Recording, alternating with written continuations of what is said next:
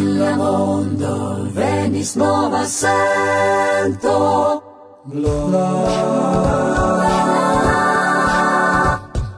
L'arsonia vento. Mm, gnam, gnam, gnam, gnam, gnam, gnam, gnam.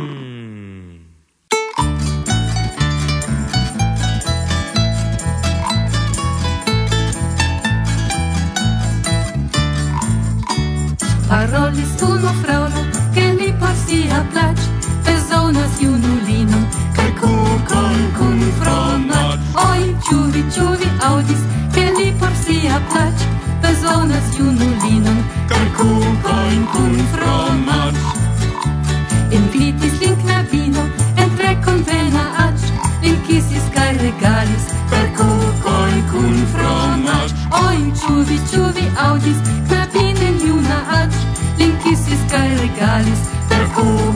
kun fromat Subite malamikoj el tiu ĉi vilaĝ forlavis la knabinon kaj kukojn kun fromac Oj, ciuvi, ciuvi audis vi aŭdis pri tiu ĉi domaĝ?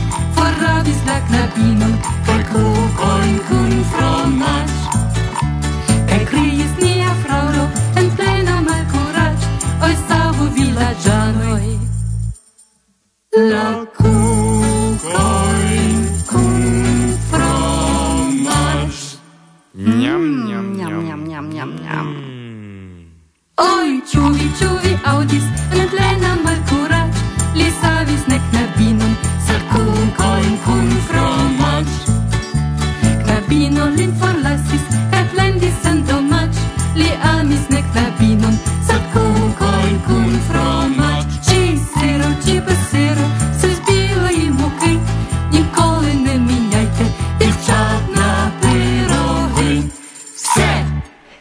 Sendube vi rekonis la voĉojn? Żele. Yes, el la kvara eldonita de Vinyl Cosmo lia kodo. Do se Kasia jam antaŭ la mikrofono, eble rakontu pri la albumo nun, ol fine de la programo. Kiel ne? Iom mi ŝtelos al vi tempon de la kutima enkonduko. Do, ĉu vi imagas ke antaŭ kelkaj monatoj aperis la bita eldono de la unua albumo de Žele, kaj nun ricevas ni jam la kvaran albumon? Mi havis ŝancon prezenti ilin ĉiujn. La unuan nomatan en Esperantujo, poste Sento Kaoson, lastatempe tra la sonĝoj kaj finfine hodiaŭ kukojn kun fromaĝ. Antaŭ ĉio havis mi okazon ĝui ilian muzikon. La canto kiun vi jus audis venas ĝuste de tiu albumo, eh, kiu eh, verdire estas trarigardo de la ukraina popolkantado. Ne ĉiuj eble scias, ke Ukrainio estas devenlando de Lena. Pri laboro de tiu albumo tre plaĉas al mi, ĉar estas bone pripensita laŭ etoso de la komponaĵoj, pro kio oni aŭskultas la albumon kiel unu grandan komponaĵon. Yes, mi konsentas. Al mi ege placis ancau alia canto, sed eh, tion mi presentos en la venonta elsendo. char ci koncernas Kristnaskon. Prave. Kai el la novaĵoj eh, antaŭ du tagoi. mi rimarkis novan muzikan informon de Flo. La sekva albumo de Ĝele? Ne, eh, ŝajne temas pri la mondanoj. Exacte, eh, vi vidis tion? Yes. Temas pri rockbando, giuste la mondanoi, kiu ludis antau kvardek jaroj kaj ilia peco registrita en junio 1985, sed tiun historion ankoraŭ mi ne esploris, do rakontos mi pri ĝi eble en la venonta elsendo. Mm, interesse. Kaj ĉio dank al Flo, kiu senlace zorgas pri nia muzika kulturo. Ne kredeble, ĉu? Ah, vere, vere. Kaj se vi deziras scii pri kiu ni parolas, rigardu al la priskribo – kie vi trovos ligilon al nia subpaĝo pri Flo. Kaj en kiu vi trovos ankaŭ liajn rakontojn pri la vivo, agado, muziko, Esperanto kaj Amon Klubo. Ĉu? Ankoraŭ vi ne aŭskultis? E, iam en iu programo, sed mi ne sciis, ke ekzistas aparta subpaĝo en nia retejo. Ekzistas. Do, eh, kion ne diri, resume, Dankon al vi, Lena kaj Żenia, pro via sekva kontribuo en nian kulturon. Kaj al vi, kara Flo, pro tio cio kion vi faras. Kaj al Irek, dank al laboro de kiu ni povas danki al Żelek kaj Flo. Kaj al Kasia, kiu helpas al Flo popularigi la esperantistan muzikon. Kaj al Gosia. Kaj al ciui niai auscultantoi, kiui fidele auscultas nin cun pacienza. Se vi dankas al vi, cae al ciui, ni ne forgesu pri Paolo cae la redakcio de Monato. Yes! Paolo, aparte mi salutas ancau vin. Kaj saluton ankaŭ al Marek kaj Ania. Ah, fakte, ĵus ili iĝis la geedza paro. Ĉu? Mi vidis tion conscia pri miei raitoi cae devoi, mi promesas ne lasi vin gis fino de mia vivo. Sanon, felicion, cae cion, cion la plei bonan. Cae cent infanoin. Bone, bone. Comencu nieble la programon. Yes. Do, el la provisora studio de Varsovia Vento, en kiu nun... Kasia. Marysia. Kamil. Agnieszka Rudzia, Mi Gosia. kaj mi Irek. Konsia primiaj rajtoj kaj devoj. Si invitas vin alla cent sepdeka elsendo de Varsovia Vento. Bla, bla, bla. Mia tasko estas diri bla, bla, bla post via invito. ek, karaj, ek. Ah, agrablan. Auscultadon. Bla, bla. Bla, bla, bla, bla, bla, bla.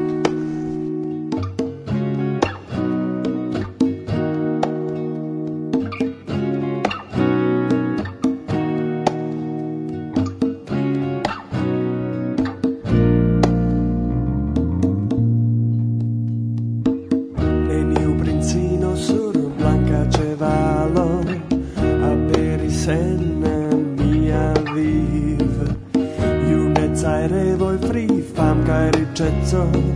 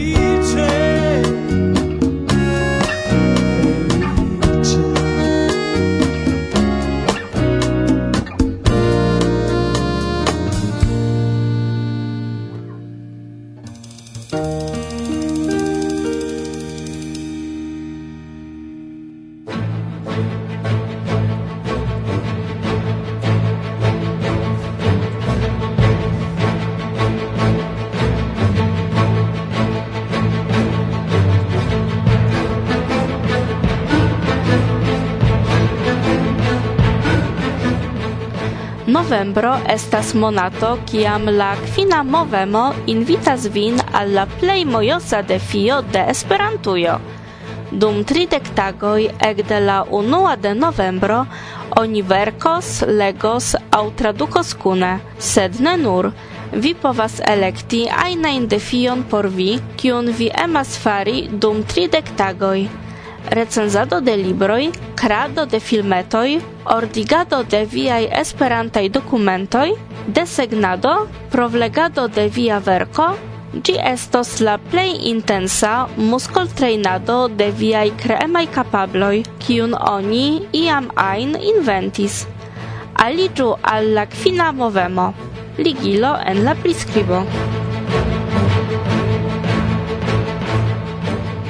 Ne ciu havas rimedojn kaj eblojn sekvi la riĉan programon de diversaj eventoj laŭ kalendaro de eventa servo.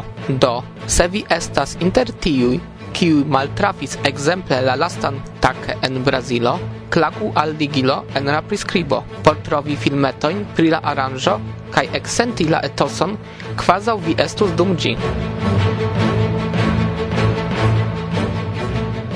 Pavel Petrik informas ke inter la dek tria kaj la dek kvina de oktobro en sudbohemia urbo Strakonice okazis la dek oka biero do brila internacia Esperanto renkontiĝo. Partoprenis ĝin dek naŭ personoj el ses landoj: Ĉeĥio, Pollando, Slovakio, Aŭstrio, Hungario kaj Slovenio. Ili vizitis bier fabrikon Dudak kaj gustumis kelkajn specojn de loka biero – kai sekvan tagon ili vizitis ankau kastelon, kie dum du jarcentoj estis la centro de maltaj kavaliroj en Ĉeĥio. La etoso estis mojosa, kaj ili tre bone amuziĝis. La sekva biero estas planata printempe ie en Ĉeĥio. La ligilo al fotoj el tiu ĉi evento en la priskribo.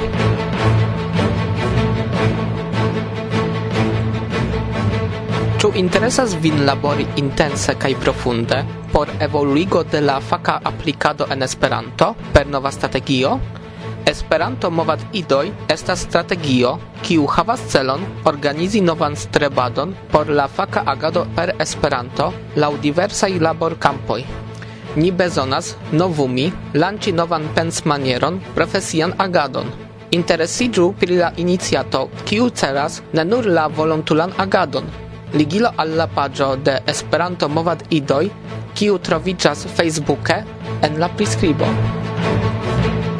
Apud la Facebooka grupo Literaturo, kies membroj prezentas ŝatatajn aŭ siajn poeziaĵojn, aperis la sekva grupo kreita de unu el la membroj de Ibera Skolo Miguel Gutierrez Aduris, pli konata al retumantoj kiel Livendek, kiu celas disvolvon de la Esperanta mikronovelo.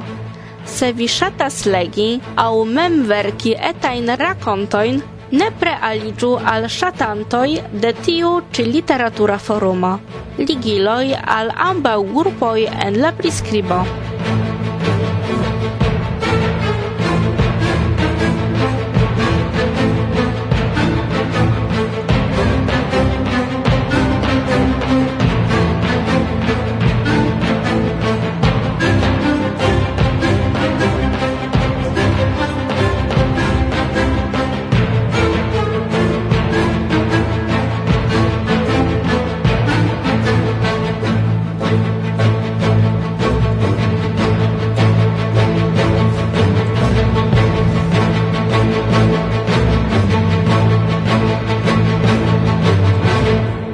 La aktualaĵojn prezentis Marysia.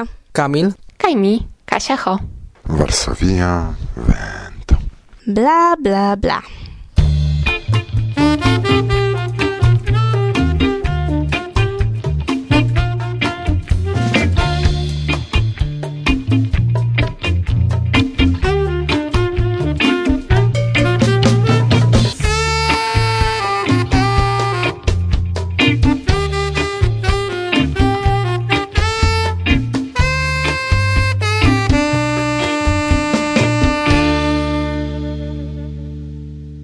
Saluton!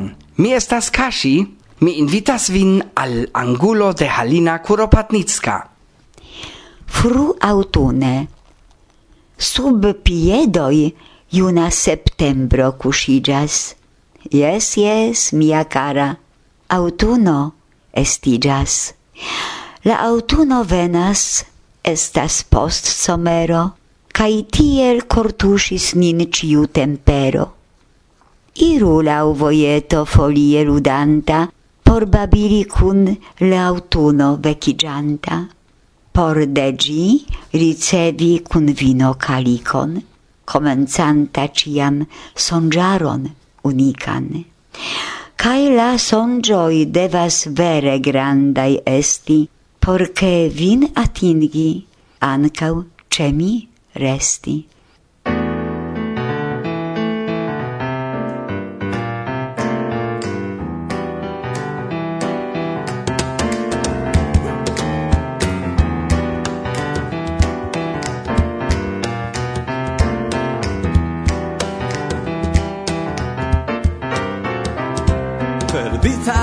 nella mezzo del giangal. Il verce sacvon sian sur la teron. Ridetoi en visagioi gentilai crescas kiel floroi en somero. Aventur plezo amar.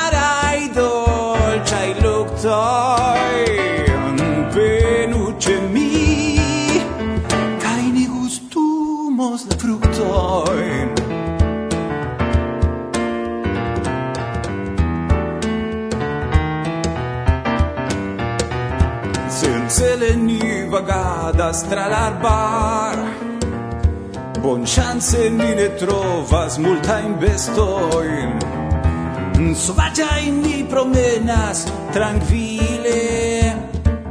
La zorgojn ni postlasis en la kestoj Aventur, plezor Amaraj dolĉaj loctoi ce mi Kai ni gustumos la fructoi.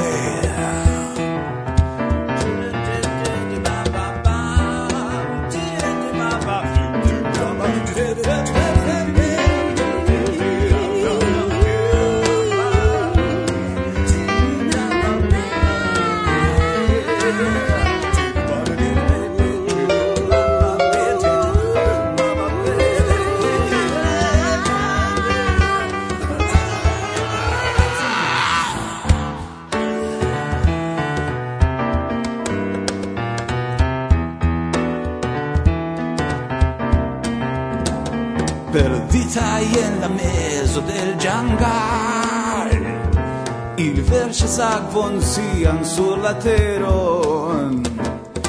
Ridetoi en visagioi gentilai Crescas kiel floroi en somero Aventur, plezor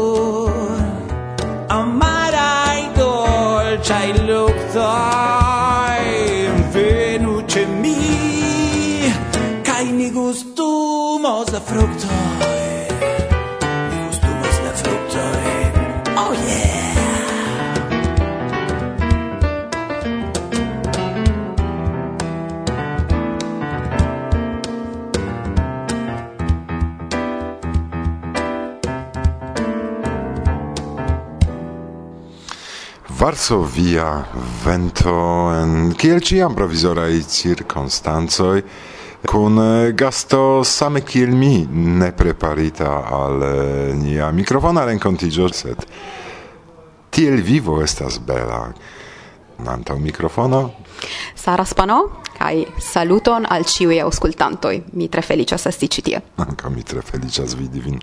E, kio okazis de la Zamenhofaj tagoj en Bialistoko. Do kiam ni rencontigis antau mikrofone fakte unuafoje kvankam quancam Yes, prave, ni conas unu la lian de suffice longe. Sed in tiu specifa momento mi venis de tre premi riĉa jaro, ĉar mi partoprenis en multe da literaturaj konkursoj. Fakte en 2022 mi gajnis la belartajn konkursojn kaj mi gajnis ankaŭ la konkurson okazigatan ĉiujare de Bialystok Esperanto Societo kune kun la Podlahia Libraro do estis tre premi riĉa jaro.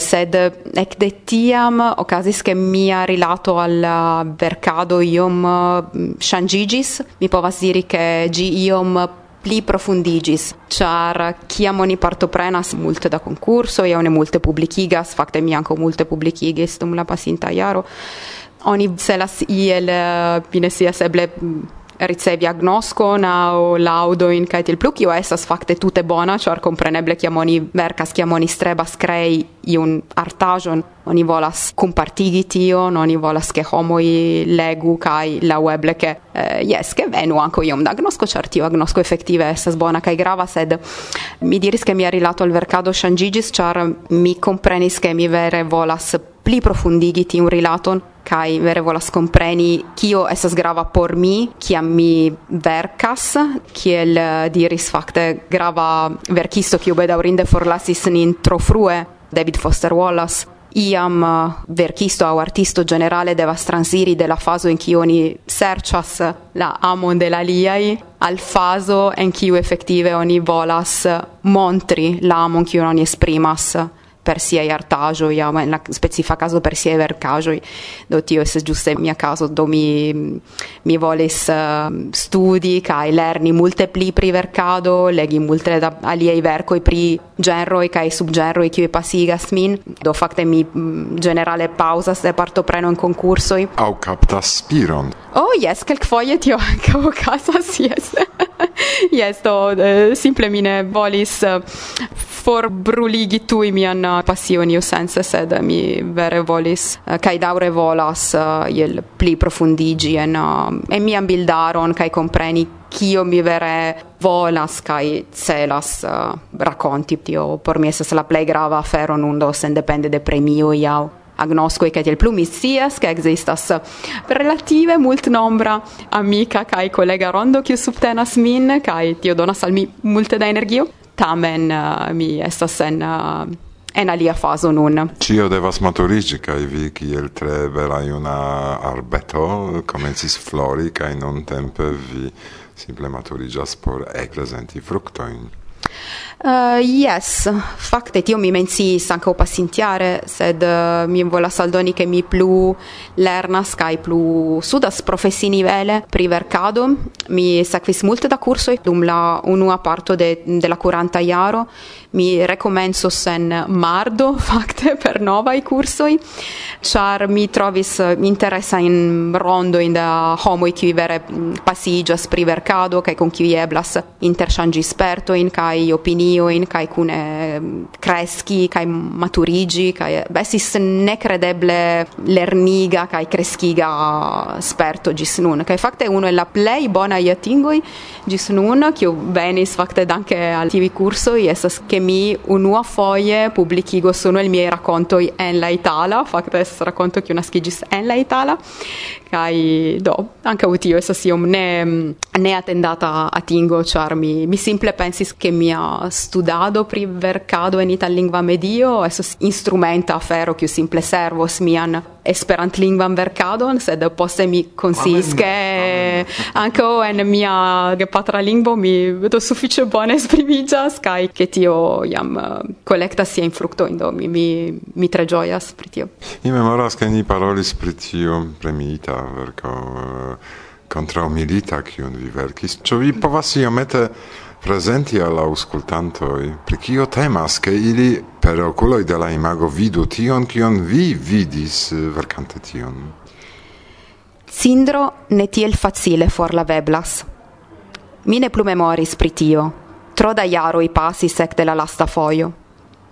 Hasta frotado de mia frunto poste liro e la catedralo shaine ne sufficis, kiel mi povas consati anta uspegulo e la teatra necesseio. Amuse, char la pastro dum sia predico assertis plurfoie che cindro in malpurigas, sed tutte male ili purigas, anca ociare li estas mixitai con santa aquo. Sed laumi, giuste pro ingredienzo, ili igas tiom gluezai cae malfacile forlaveblai. Fora rememoro pri ne forvisceblai cindro cruzoi, pri condamno al morto, pri renversitai caine fructosignoi, furme tracuras mia menson – se tio daura strom allonghe por identighi la fonton de tiu rememoro. Fin fine mi successas forvisci ec la pleieta in cindrero in de mia frunto, cae lavas mia in manoin. Bone, neniu rimarcos kie mi estis. Cindron al cindro, polvon al polvo, tui vortoi subite venas al mia menso, mi ne de kie. Uh -huh. Cae alia fragmento? Mi levas la rigardon alla latuna cristallo ornamita lustro pendanta la plafono, cae mi rimarcas che la lustro tenilo havas formon de stiligita araneajo. Araneoi ligigias por mi al manconfortigai hontai sentoi. Dum mia infanaggio mi ofte vidis linda in araneetoin e la giardeno de mie geavoi. Pli precise, la mia infana imago essis ciam la sama besteto. Mi pensis che gia peras cae malaperas, sed che temas ciam pri la sama poste, cae cum granda honto, mi malcovris che tio ne eblas, che nur Dio scias cium da tio eran etoi, cae ec generazioi da nareto mi vidi sur tioi muroi. Tiu mia naivezzo daure hontigas min, ne nur char estis tempo, ciam mi credis che morto ne existas, sed char nun esas tempo en ciu mi consias che morto ja existas, sed che dum gi foras, gi ne concernas min. Sindron al sindro, polvon al polvo, mi pensas. A mi vidis vin kiel knabino, kiu havas iun dilemon, auscoltante tion. Sindroi purigas, kiel diris la pastro, sed eble nur conscienzon. Mi ce estis meson, ricevis sindro cruzon, faris monoferon, cae poste miris al teatro, char neniu tusciu mian sanctam privilegioin de occidenta unua monda blanculino, cae mian sanctam besonon giui arton por ricevi consolon, cae exorci miain angoroin. Quasau tivi cio trovigas sub bomboi ne meritus tion, quasau ne ciui, meritus vivi belan, stabilan, cae giuo plenan vivon sur tiu citero. Mi parto prenis meson, cae poste spectis meson kiel spectaclon. Do, cie cusas la differenzo inter la du? Mi hontas. Mia hipocritezzo nausas min. Gi meritus forbruli, multe pli ol cetera. Mi raitas iugi nenion cae neniun. Ec ne min mem. Tiu vercado aperis post explodo de milita in Ucrainio, quiu forte tusis ne nur vin, che tamen en la dudecunua iarcento eblas tiu stultaĵo do cindro al cindro pripenso en eh, preĝejo cio estas elpensita kai cio estas eh, vera. Eh, do estas mixajo inter realaj kai reale sento kai kaj fikciaj situazio iau imago do vi devas imagi la construado de tio kiel en, en ateliero do kiel vere oni cummeta spezzo in el diversa esperto i kai sentoi kaj ankaŭ periom da, da fantazio oni kunmetas ĉion por trovi la plej bonan aŭ efikan manieron por esprimi kion oni sentas en difinita momento.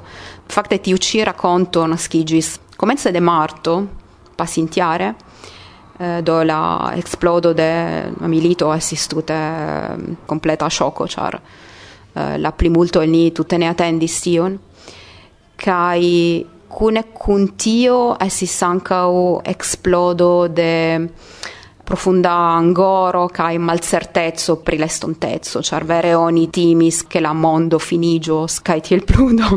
Tio estis tre mm, tre morna momento Pro tio do oni pensis pri apocalipso, do pri mondo fino kai kai tiel pluga. Oni daure pensas pri tio sed komence de la milito oni pensis tio nec pli intense. Kai yes esis multe pli pli forta kai brulanta sento. Kai giuste parolante pri brulanta i aferoi mi tu pensis pri uno al mie play preferata i musica i componaggio i temas pri la requiemo de Mozart. Kai tie fairo esas la ĉefrolulo facte, cioè esas fairo kiu marcas la, la finon de la mondo sed ankaŭ la definitivan por eterna damnon de homo kiuj fakte facte, almeno la sancta texto ricevo stion fine della la tempo kaj fine della mondo. Do pro tio mi provis elverŝi tion e la racconto Reclamo. Ĉu ankaŭ vi volas esti informita pri la mondaj novaĵoj en flua aktuala Esperanto? Kaj legi raportojn pri politiko, pri scienco, ekonomio, kulturo kaj multe, multe pli? Do, petu senpagan prof-ekzempleron. La kontakt-adreson de Monato vi trovos en la priskribo. Yes. Falso via vento, bla bla bla.